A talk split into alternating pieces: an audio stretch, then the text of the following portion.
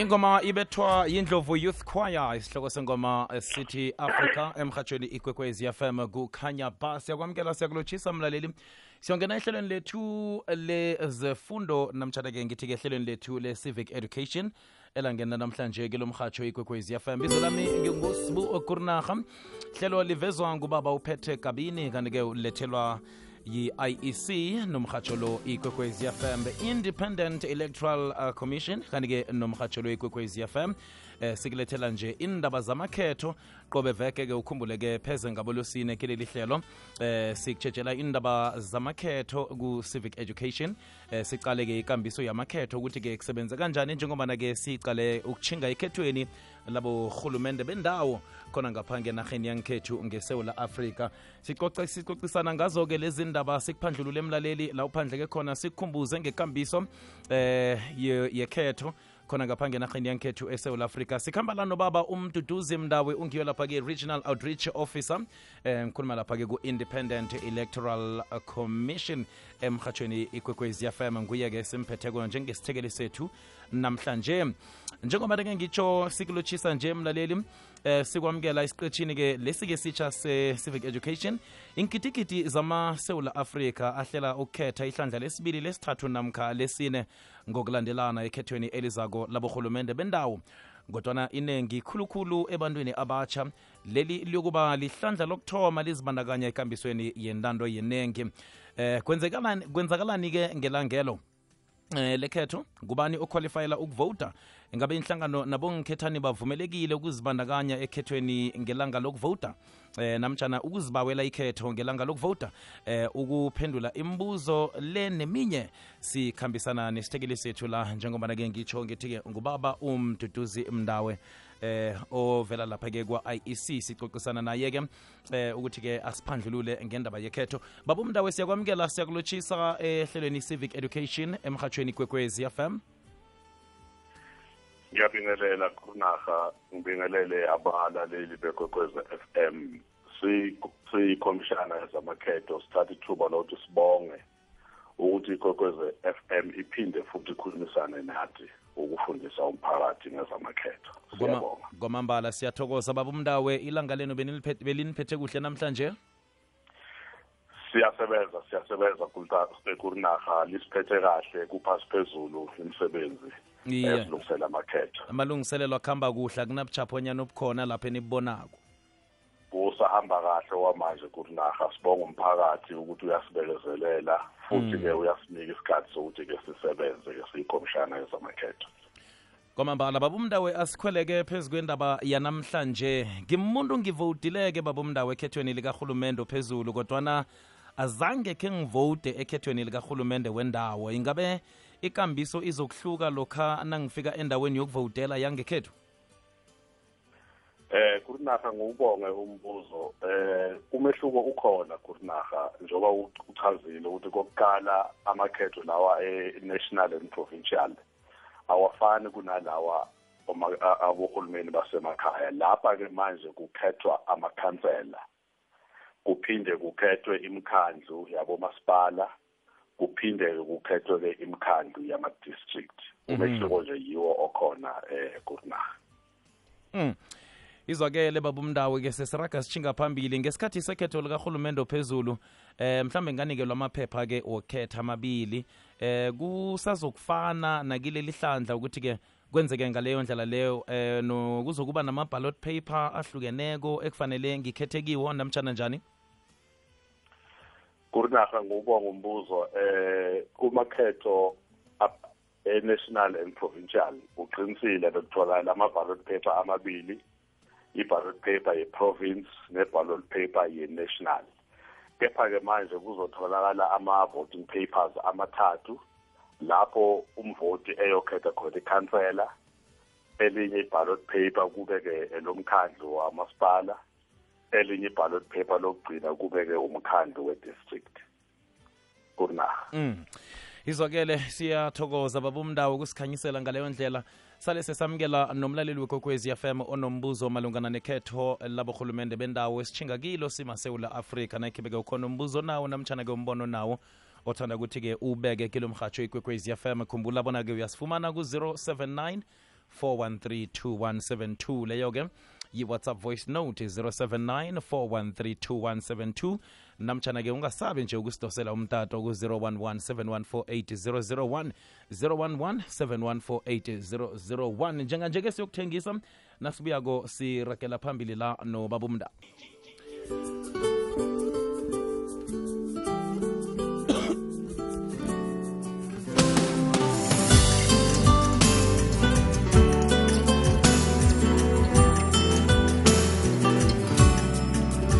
asiragele phambili imlaleli wekwekwezi fm ilithumi nethoba imzuzu ngaphambi kwesimbi yechumi 19 minutes to 10 emrhatsheni kwekwezi fm zibandakanye ekulumeni yethu yanamhlanje yekhetho mlaleli njengoba nasitshinga ekhethweni eh, laborhulumende bendawo.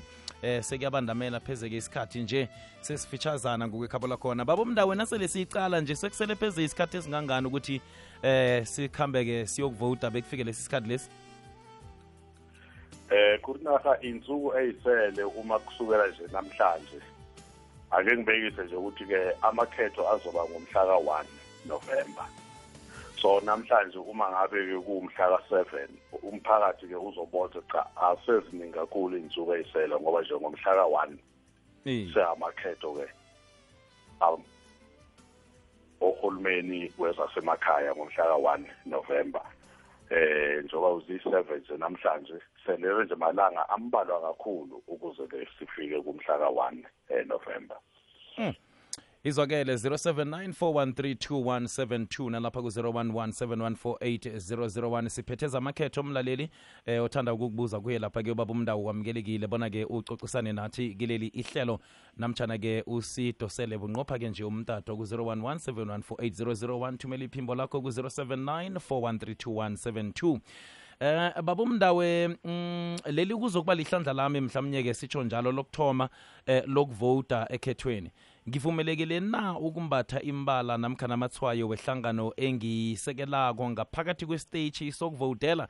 Namtshana lokho-ke kungangenza ukuthi ngigcine-ke kusukiphi mhlawumnye komguruguru uhlangana nathi labavoti eh kurinaha siyikhomishana yezamakhetho ku- ku- kunemithetho esiyilandelayo lena ebizwa ke ngokuthi ke electoral act nalena ehambisana nabomasipala i-municipal electoral act ekuyiyona esilawulayo ukuthi ke ngubani ovumeleke ukuthi agqoke umfaniswane wezenhlangano ngubani futhi ke ongavumelekile.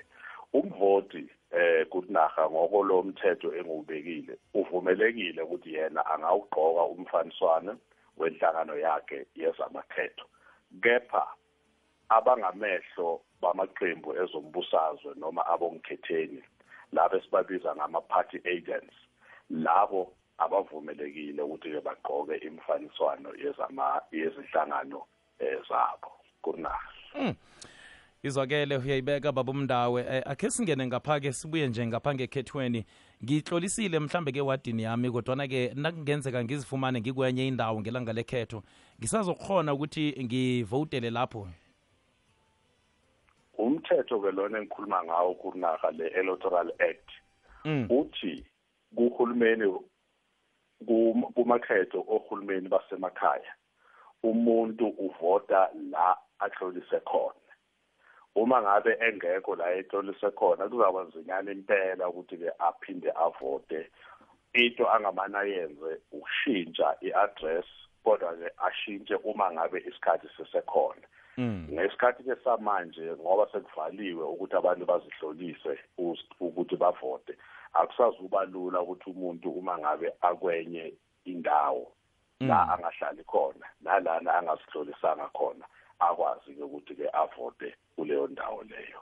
Kunaha izwakele babumndawe ngiba ubona-ke sithathe umbuzo womlaleli ngalesi sikhathi ku-079 4132172 namtshana-ke umbono womlaleli eh lapha-ke ku-011 7148001 lotsha kurinaha nangusontokozo ngapha nge-oliven. Kurinaha mna ngiba ukubuza la okay novotela ikhansela maybe uvotela othi uzijamele. Then uyabuya noceda ukuvotela ozijameleko uvotela maybe ihlangano sithi i-ANC or i-EFF uyabuya vele uvotela ihlangano ihlangano ku-pro- ku-province i-ANC or i-EFF leni lozijameleko lo kwenzakalani ngayo? Yok- yokukhona ukuthi a- aberegisane nalaba be-ANC na or be-EFF na bakubuza lapho ngusontokozo Oliver baba umndawo wena kumbuzo umlaleli eh angibonge umbuzo ke oqhamuka ke kusontokozo. Eh. Uma ngabe ke ungikhethani ngenze isibonelo kuba nguye owina iward ethile. Amanye amaward awinwe mhlambe inhlangano lezi aseze isibonakaliso ngazo. Uma ngabe ke ungikhethani ewinile iward kulomkhandlu engikhulume ngawo eh lona eh o wabomasipala akazukungena yena asebenzisane namanye amaqembu. Kepha yena uzobheka izimfuno nezinkinga zeward la akhethwe khona uyosebenzela iward kuphela. Akuzawuba lula ukuthi ke asebenzisane nezinye inhlangano ngoba manje iward akhethwe kulona yilo leli elim- elimfakile uyosebenzela lona kuphela. Kepha kulomkhandlu lokho esikubiza ke nge-PR eh council akazungena ke yena as ungikhethani kepha uyomela nje iward lakhe. Imfuno zonke zeward abakhala ngazo basinika yena. Uma ngabe efika kumasipala ayifake. Umasipala kube uyena ke oncedayo eh, umphakathi walelo ward la akhethwe khona. Kunaha izwakele ikwekweza kwande? Eh mzali nakho rinarha sivukile singabuza kini baba? uSolomon ngimahlangu ekhwaga. Izwakele baba mahlangu. Yeah mama can you please let me ask umhlonishwa lapho? I just wanted to know ukuthi what about if maybe I've been wearing regalia yami and then ngingena ku electoral center ngisemacabazini wakhona? Nangingenako I've been realizing this thing last and izange yangiphatha kuhle amakhetho amanye adlulako so eh ngoba nepolice elijikisa omunye ambethe irigali ukuthi no akanalungelo lokuthi angangena azokungena ambethe i- i- i- i- irigalia of which ipolisela was totally wrong because belingazi umthetho we-electoral act. So nasifika lapho kuthola ukuthi umuntu bamjikisa and umthetho uthi ungene uta- ngwapha ama-step ekose angiwathathe mm. siyathokoza baba mahlangu umbuzo uphelela lapho. Yeah and then ngibuye point number two. Mm. eh nasiza la ku-district. Angithi presently nasiya kuma-election la kunama-ballot paper kunele district ne? And then kunele wadi and then kunele municipality. Let's say i-organization yami kuwadi eh angeke ngayitsho igama maybe let's say ngithi ngu-amos and then mhlawumbe ngithi i-organization yami ngu-amos ngiyavota. And then nangifika ku ku- ku- ku- ku- ku- ku- kunkangala still now amos ukhona lapha kunkangala because angithi amos naku-district because angithi amos. Angisho no-i three ama-ballot paper la. Mm. ya ngifuna ukwazi net lapho. Oh. Baba mahlangu siyathokoza okay ngiyabonga. Thank you. Ahake eh baba umndawo? Eh kunaha angiwubonge umbuzo oqhamuka kuba mahlangu ekwaha. Eh. siyikhomishana yezamakhetho sida sikubeke kucace ukuthi ke kusiphatha kabi uma ngabe abavoti bezojikiswa ey'teshini. Bajikiswe yingoba begqoke imfaniswano yezinhlangano eh zabo Mm. ngoba umthetho uyabavumela ukuthi abavoti bangayigqoka imfaniswane yezinhlangano zabo kwaba nje iphutha elikhulu kakhulu engithi mangikusho-ke eh kunaha ukuthi ngoba sihlale siba nayo imihlangano uma sesilungisela amakhetho namaphoyisa Eh. sizokufaka-ke lokho ukuthi-ke bakuqaphele nakusasa ukuthi umvoti unalo ilungelo lokugqoka umfaniswano i-party agent kuphela enganalo ilungelo lokugqoka imfaniswano ye- yenhlangano yakhe Mm. ngibuye-ke eh, embuzweni wakhe wesibili ukuthi uma ngabe-ke inhlangano yakhe ivela ku eh ku-what iphinde ivele ku-ballot paper ye- ye-local iphinde ivele ku-ballot paper ye-district. uma ngabe eh. yena efisa ukuthi-ke eyivotele inhlangano yakhe kuwo wonke lama-ballot paper amathathu ukhululekile umlaleli ukuthi angakwenza lokho kuyilengelo lakhe ngoba usuke afisa ukuthi ke iward lakhe liphathwe inhlangano yakhe mm.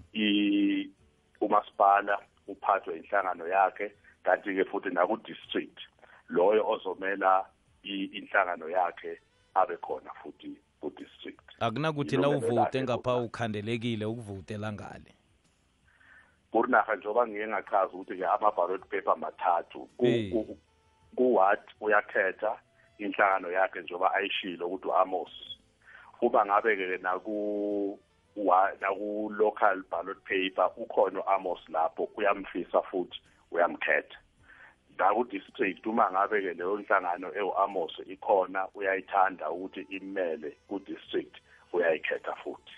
Mhm. Unalo ilungelo eh kurinaha kwamambala baba umndawo khe ngikubuyisele mhlambe kemva kancane nje eh ngibona umbuzo lo wabantu abaningi ke uyavela uvele kaningi ukuthi kanti kuba yini ngivumeleke ukuthi eh ngivote kwaphela ewadini engizihlolisela kiyo?